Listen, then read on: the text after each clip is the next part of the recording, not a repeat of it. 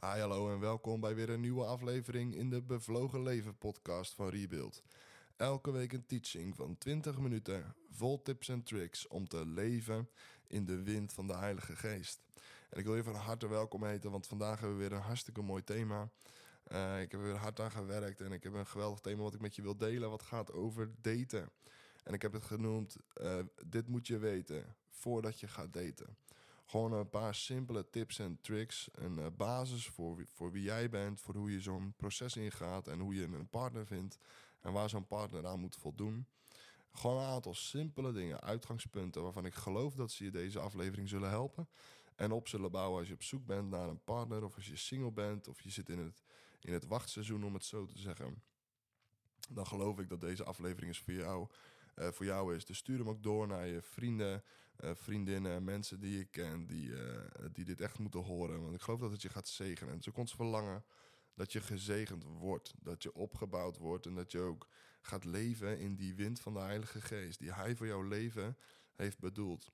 Aan de hand van simpele, koninklijke, hemelse principes die de Bijbel ons geeft, die Jezus ons leert en die de Heilige Geest ons helpt om toe te passen. Dus ik ga een aantal tips en tricks met je delen. Een basis, uitgangspunt. En uh, natuurlijk gaan we het hebben over wat de ideale partner is. Dat is natuurlijk wel een belangrijke. Kijk, weet je, daten is niet bijbels. Nergens in de Bijbel zie je uh, dat mensen gaan daten. Er zijn zelfs verhalen uh, van een man die stuurt gewoon een knecht op pad. Die gaat een vrouw zoeken en dan vindt hij de juiste vrouw. En dan neemt hij haar mee en dan trouwen ze. Daar, daar is niks romantisch aan. Eh, heel vaak in de Bijbel, in die cultuur, in die tijd, zie je het hele aspect daten op zichzelf niet terug. En dat betekent niet dat het vandaag de dag niet goed is, uh, maar dat betekent wel dat we er iets van kunnen leren. Uh, je date namelijk niet uh, om gewoon lekker voor de leuk. Je date om te trouwen. Daar gaan we het zo bij punt 2 over hebben. Maar laten we eerst eens beginnen met punt 1. want voordat je gaat daten, zorg dat je weet wie je bent. Get a life before you get a wife. Kijk, heel veel gasten, vrouwen, mannen, jongens, meiden, die, die zijn op zoek naar een partner omdat ze een bepaalde vervulling zoeken in hun leven. Een bepaalde goedkeuring, een bepaalde waardering, een bepaalde vervulling die we allemaal ten diepste hebben. En ik geloof een partner is een invulling van je leven. En het is een heel groot deel en onderdeel, een hele grote invulling van je leven. Maar het is niet de vervulling van je leven. En dat is goed om te beseffen aan het begin, weet je. Zorg dat je geworteld bent in Jezus. Dat je je relatie met Hem op orde hebt. Dat je, dat je eerst date met Jezus voordat je met iemand anders gaat daten. Zo zou je het kunnen noemen. Dat je eerst die relatie opbouwt met Hem, met God, met de Vader, met de Heilige Geest. Dat je gaat ontdekken zelf wie je bent en je vervulling ook vindt door en door in alles in Hem. En niet in een persoon of in een project. Het kan ook je werk zijn, hè? of een bepaalde taak die je doet of een vriendengroep. Maar ook zeker een partner kan je uh, echt heel veel vervulling geven. Maar ook dat uh, is uiteindelijk tijdelijk. Is uiteindelijk niet de vervulling die we allemaal nodig hebben. Dat is namelijk God zelf. Dus een partner is een invulling van je leven, niet de vervulling van je leven. Wat ik veel om me heen zie, uh, is dat mensen zeggen: Ik ben eenzaam, dus ik zoek iemand anders en dan ben ik niet meer eenzaam je bent niet meer. Het is niet zo dat je niet eenzaam bent op het moment dat je een partner hebt. Je kan een partner hebben en nog steeds mega eenzaam zijn. En uh, ik zeg het even heel gechargeerd, maar twee eenzame mensen bij elkaar uh, brengt niet ineens gezelligheid. Twee keer een minnetje maakt geen plus. En twee keer een plus wel. En dat is gewoon hoe de wiskunde werkt in onze, in onze cultuur. Als jij twee minnetjes hebt, uh, dan wordt het niet in één keer een plus. Dan wordt het nog steeds min. Dan wordt het nog steeds negatief. En twee keer een plus wel. Kijk, en twee halve identiteiten maken niet samen één hele. En dat is het gevaar wat we, wat we moeten onderkennen. Is als we als het ware de markt op gaan om te daten. Um, dat we niet op zoek zijn naar een vervulling, maar naar een invulling. En dat we zelf iets te brengen hebben. En dat we zelf uh, weten wie we zijn in Christus. Voordat we uh, een ander gaan dienen voordat we met een ander optrekken.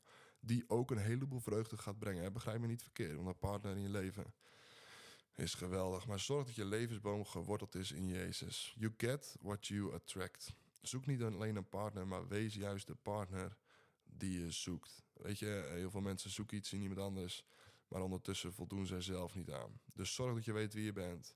Groei op in Christus. Groei op in de vrucht van de Heilige Geest. Groei op in geloof, in woord, in daad. Zorg dat je weet wie je bent voordat je met een ander op pad gaat. Nummer twee is date om te trouwen, niet om te trakteren. Kijk, ehm, ik geloof dat daten is een hartstikke mooi moment, is een hartstikke mooie tijd. Maar ik zei net ook al, in de Bijbel zie je daten niet terug. Dat geeft niet, maar dat betekent wel dat we er iets uit kunnen leren. Namelijk dat een partner uh, of twee mensen die een relatie hebben, is niet bedoeld om hè, van elkaars vruchten te eten en uh, gezellig te hebben en leuk te hebben. Uh, en daarna weer van elkaar weg te gaan. Zo is de liefde in Gods, in Gods koninkrijk niet bedoeld. Dat is niet hoe hij Jezus heeft gestuurd naar deze aarde. het is niet, liefde is niet bedoeld om even leuk uit te oefenen en als we het niet meer leuk vinden, dan stoppen we ermee. Liefde heeft als bedoeling dat het extra floreert opgroeit en verstevigt juist binnen een verbond.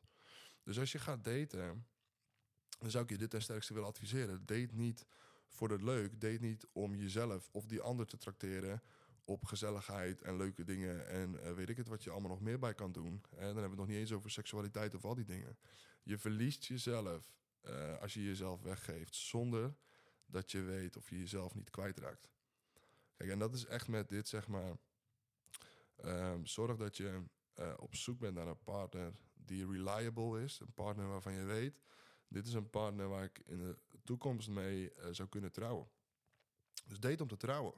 En dan is het ook belangrijk, zorg dat je niet al te jong bent. Kijk, als jij 12, 13, 14, 15, 16 bent, dan is dat echt nog super jong om te gaan daten. Je bent zelf nog helemaal in, in ontwikkeling. Je weet nog niet eens helemaal wie je bent. Betekent niet dat het niet kan, maar het is wel belangrijk om rustig de tijd te nemen. En te zorgen dat je zelf volwassen bent en opgegroeid bent. Kijk, 2 Timotheus 2 vers 22 is wel makkelijk om te onthouden, is 4 keer 2. 2 Timotheus 2 vers 22 staat, ontvlucht de jeugdige hartstochten. Streef naar gerechtigheid, geloof, liefde en vrede. En dan staat er samen met degene die vanuit een zuivere hart de Heer aanroepen. Weet je, je moet loskomen van die jeugdige hartstochten. Dat betekent eigenlijk de dingen die je in je tienertijd, waar je naar op zoek bent, een stukje uh, lol, fun, alcohol, al die dingen meer, waar heel veel mensen in hun jeugd last van hebben. Zegt uh, Paulus tegen Timotheus: ontvlucht die jeugdige begeerten, ontvlucht die jeugdige hartstochten. En streef naar de dingen van Gods koninkrijk: gerechtigheid, geloof, liefde en vrede. Hij zegt dus eigenlijk: groei op, word volwassen.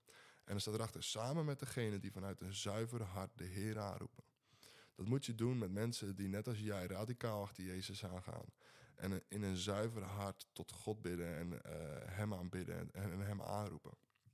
Dus zorg dat je niet te jong bent, maar dat je volwassen bent in geloof en in leeftijd. Zodat je ook klaar bent om te trouwen en niet te lang hoeft te wachten.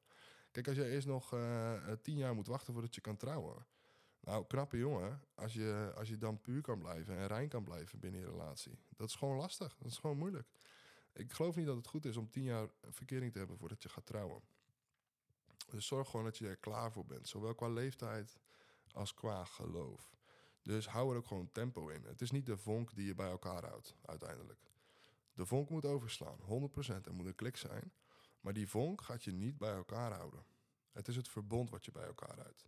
Dus gebruik ook deze aflevering, de tips die ik je straks ga geven, ook om die geschikte partner te zoeken. En ook die geschikte partner te zijn. Dus nummer 1, weet wie je bent. Get a life before you get a wife. Zorg dat je weet wie je bent in hem. Uh, en twee, date om te trouwen. Weet je, zorg dat je, dat je oud genoeg bent. Niet te jong in geloof, niet te jong in leeftijd. Dat je die dingen van de jeugd achter je hebt gelaten. Dat je ook klaar bent om stabiel te zijn voor iemand anders.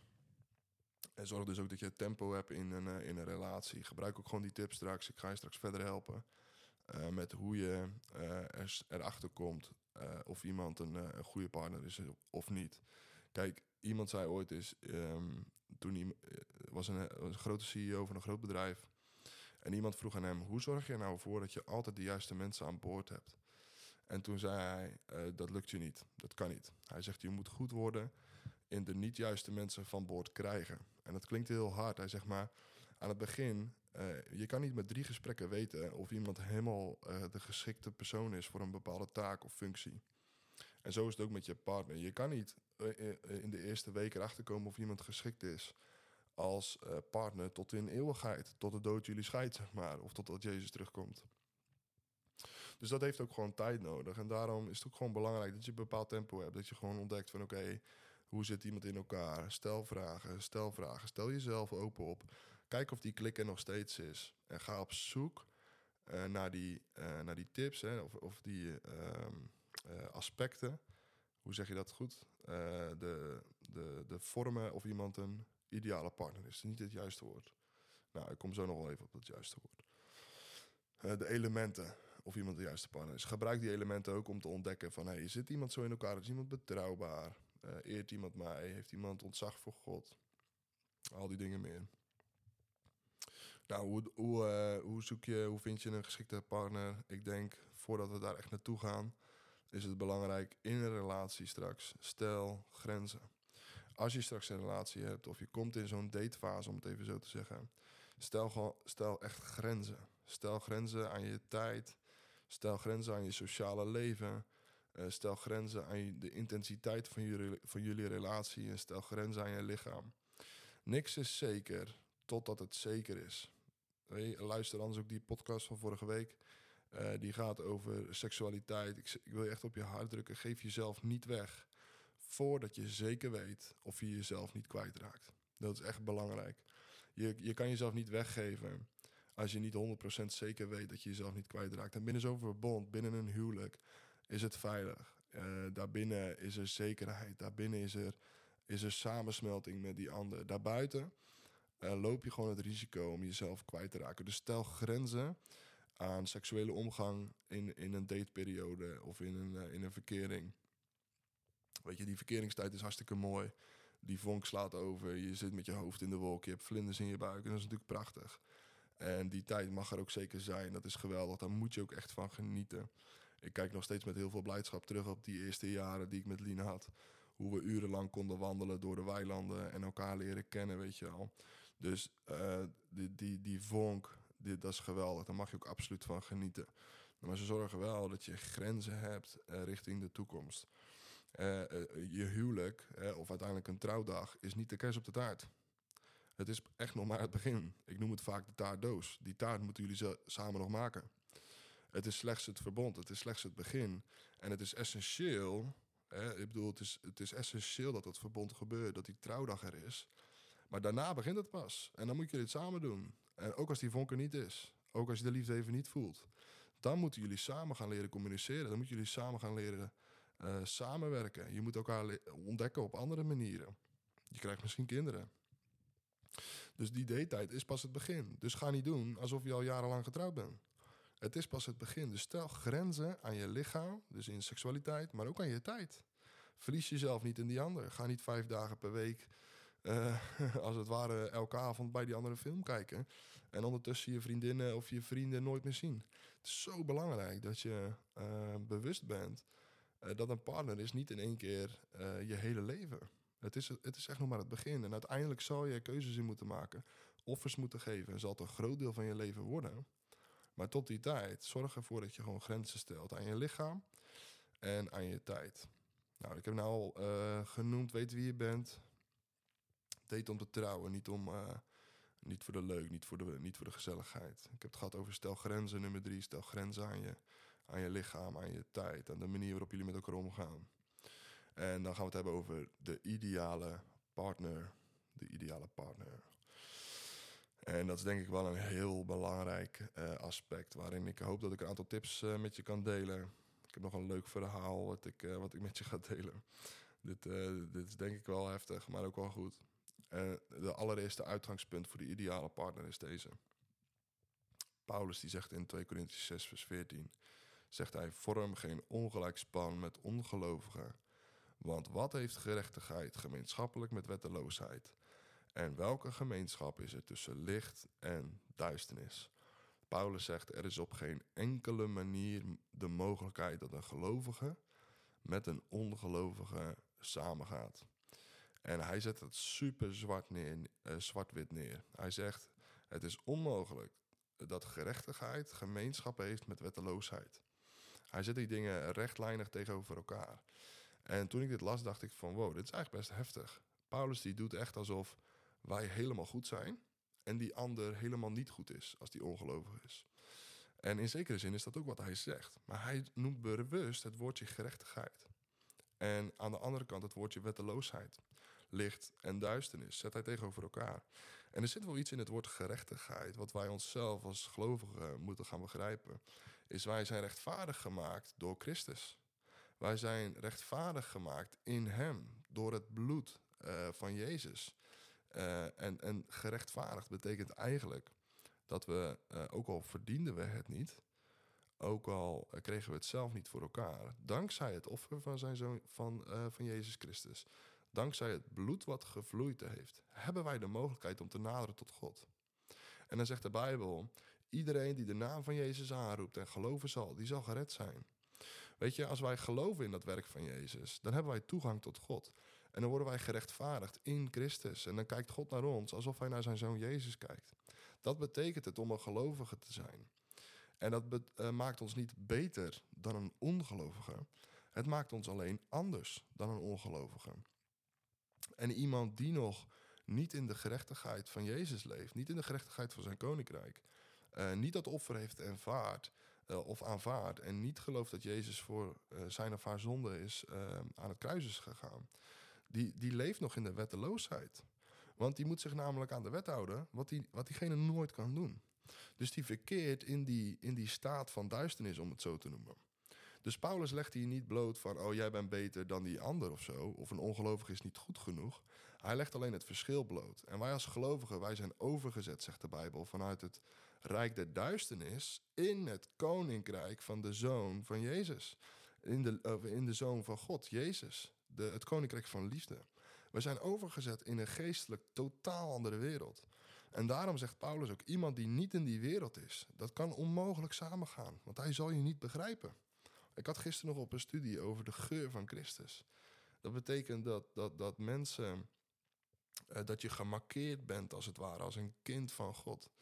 En die geur die is voor medegelovigen is het een heerlijke geur. Voor God is het, is het als wierook.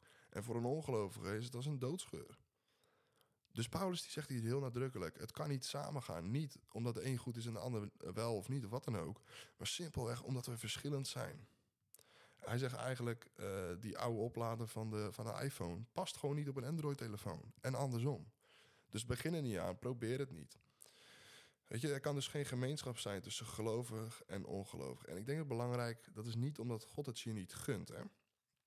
Uh, maar omdat hij je wil beschermen. Uh, en ik denk dat het heel belangrijk is, of we moeten toegeven aan die, aan die duisternis, of toegeven aan die lichtkant. En vroeg of laat gaan we keuzes moeten maken. En als je allebei niet mee kan komen in de keuzes van een ander, dan loop je uit elkaar. En dat is heel vervelend als je al getrouwd bent. En ik denk, het begin, begin gewoon niet aan een ongelijk span. Vorm altijd een gelijk span. Zoek iemand die Jezus radicaal in zijn leven heeft en achter hem aan wil gaan. En zich laat transformeren van heerlijkheid tot heerlijkheid. Elke dag, dag in, dag uit door de Heilige Geest. Ik denk ook in dit, in dit licht van vormen, vormen gelijkspan en geen ongelijkspan. Maak ook van een potentiële partner geen evangelisatieproject. Ik hoor heel vaak en mensen zeggen: ik kan, hem wel, uh, ik kan hem wel bij Jezus brengen of zo. Of ik kan haar wel bij Jezus brengen. Dat klinkt mooi. Ik ken ook voorbeelden waarbij dat inderdaad gelukt is. Dat is ook bijzonder. Het is ook te gek. Uh, maar ja, zekerheid heb je nooit. Dus als je een relatie begint met de gedachte dat iemand zich wel zal bekeren, dat is vrij moeilijk. Je kan beter even vrienden blijven, diegene het evangelie vertellen en, en aan de voeten van Jezus brengen. En dan altijd nog als potentieel uh, partnermateriaal gaan zien. Zodat je de juiste volgorde hebt. Nou, dus ik noemde al, die ideale partner heeft in ieder geval een toegewijd leven uh, aan Jezus. En er zijn wat parameters, er zijn wat elementen uh, facetten aan een ideale partner. Maar uiteindelijk is het gewoon belangrijk dat je vooral een klik hebt met iemand. Um, uh, weet je, toen ik Lien voor het eerst zag, toen dacht ik, wow, ik zou niet anders willen dan dit. Je, hebt gewoon een fysieke, natuurlijke klik met iemand. En ik denk dat dat heel essentieel is, want uh, iemand met wie je geen klik hebt, is behoorlijk lastig om de rest van je leven daarmee door te brengen.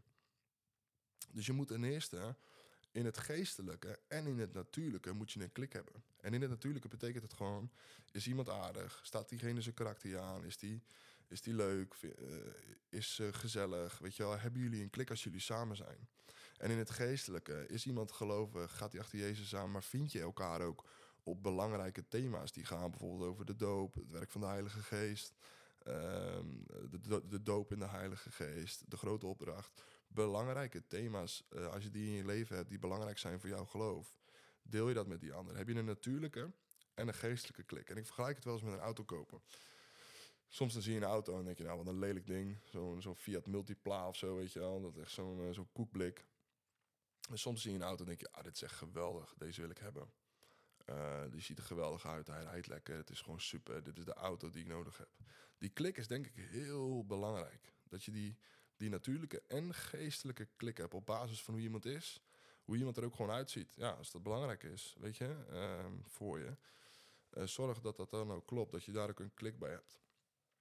Maar uiteindelijk zijn er wel parameters. Er zijn wel dingen die je moet weten, die belangrijk zijn uh, in het karakter van iemand. Die bepalen of iemand een geschikte partner is uh, of niet. Kijk, Lien en ik hebben jaren geleden gingen wij een auto kopen. En toen kwamen wij in Berkel en Roderijs een of andere shabby garage binnen. En uh, we gingen daar een auto bekijken. En we zagen die auto en we waren op slag verliefd op die auto. Het was een prachtig ding om te zien. Precies de auto die we zochten. Vijf deurs, de juiste kleur. Het was helemaal top. Maar ik had een lijst bij met allemaal checkpoints. Ik had een lijst bij met allemaal punten die je moet nalopen. Of zo'n auto goed is of niet. Dus ik loop om die auto heen.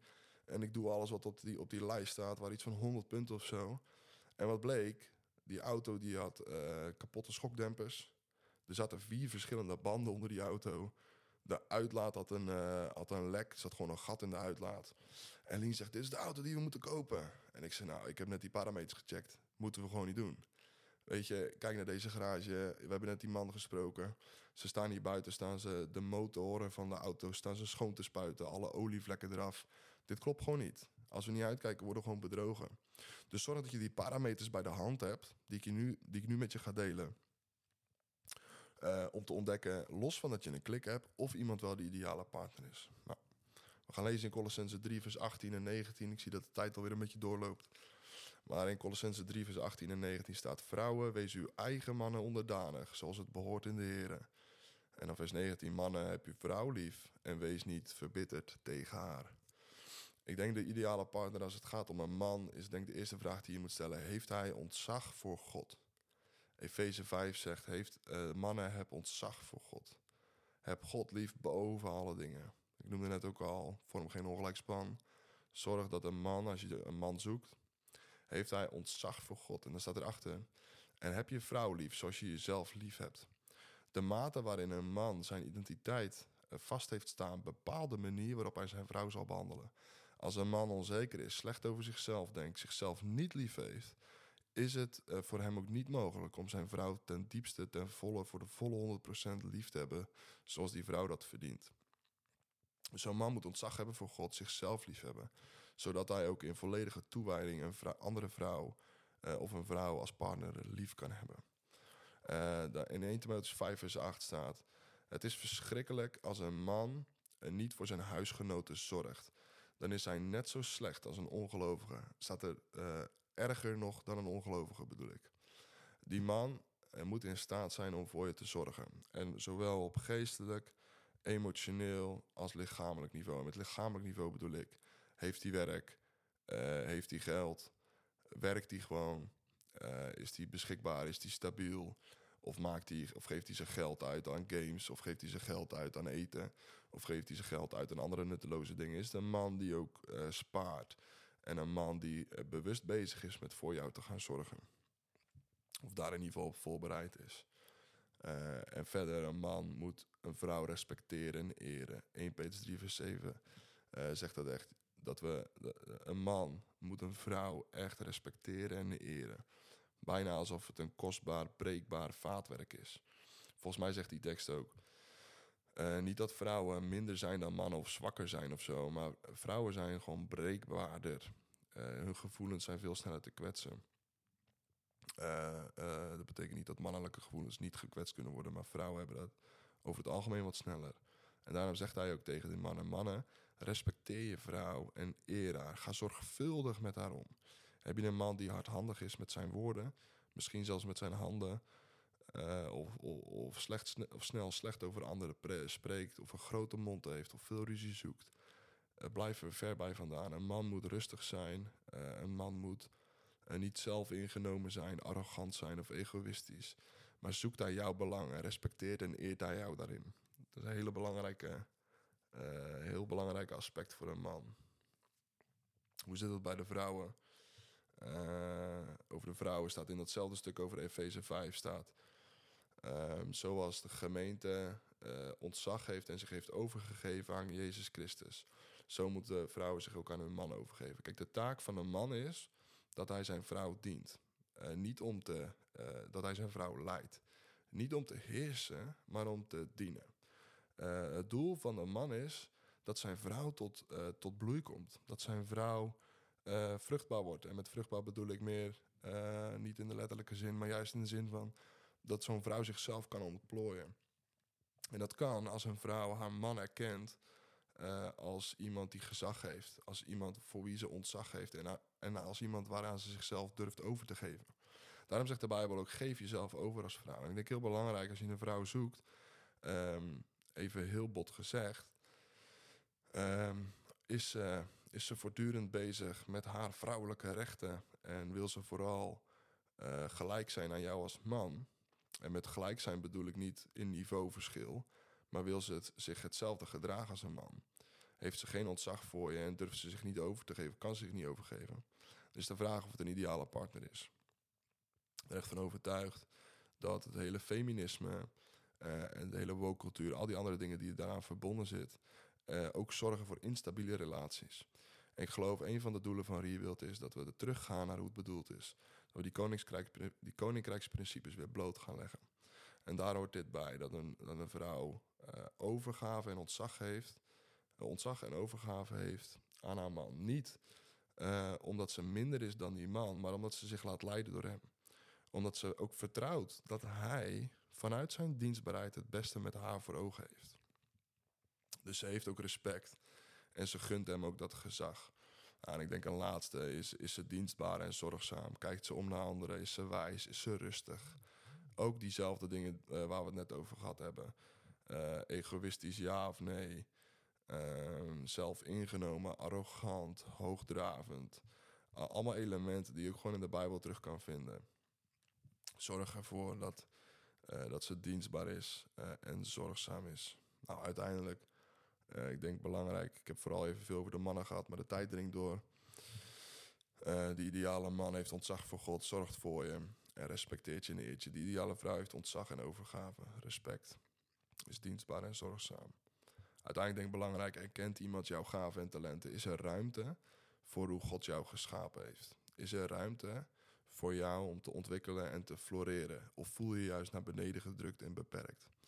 Zijn denk ik belangrijke elementen. Los van al die andere uh, parameters die ik net genoemd heb. Uh, de klik, uh, de geestelijke ballast die erachter zit. Of iemand gelovig is, ja of nee. Weet je, God heeft je ontzagwekkend wonderlijk gemaakt. En dan verdien je dat ook. Focus niet op de eerste, de beste die wil. Maar op de allerbeste die hij, dat is God, die hij voor jou wil. Ga niet direct met de eerste, de beste die op je pad komt. Maar kies voor de beste die God voor je klaar heeft liggen. En ik geloof dat je dat gaat vinden. En uh, we bidden gewoon op dit moment ook dat je wijsheid zou krijgen in dat proces van daten, in het proces van mensen ontmoeten. En dat je de juiste man of vrouw aan de haak zal slaan en een, uh, en een geweldige tijd zal hebben met diegene in de naam van Jezus. Ik hoop dat je geïnspireerd en aangespoord bent om een bevlogen leven te leiden. Rebuild heeft het verlangen dat Gods koninkrijk zichtbaar en tastbaar wordt in elk facet van het leven. In jouw leven. En niet alleen in dat van jou, maar ook in dat van je buren, je familie, je vrienden en je collega's. Wil je meebouwen met Rebuild en ben je benieuwd hoe je dit kunt doen? Kijk dan op www.rebuilders.nu meebouwen. Ik wens je nog een hele fijne dag.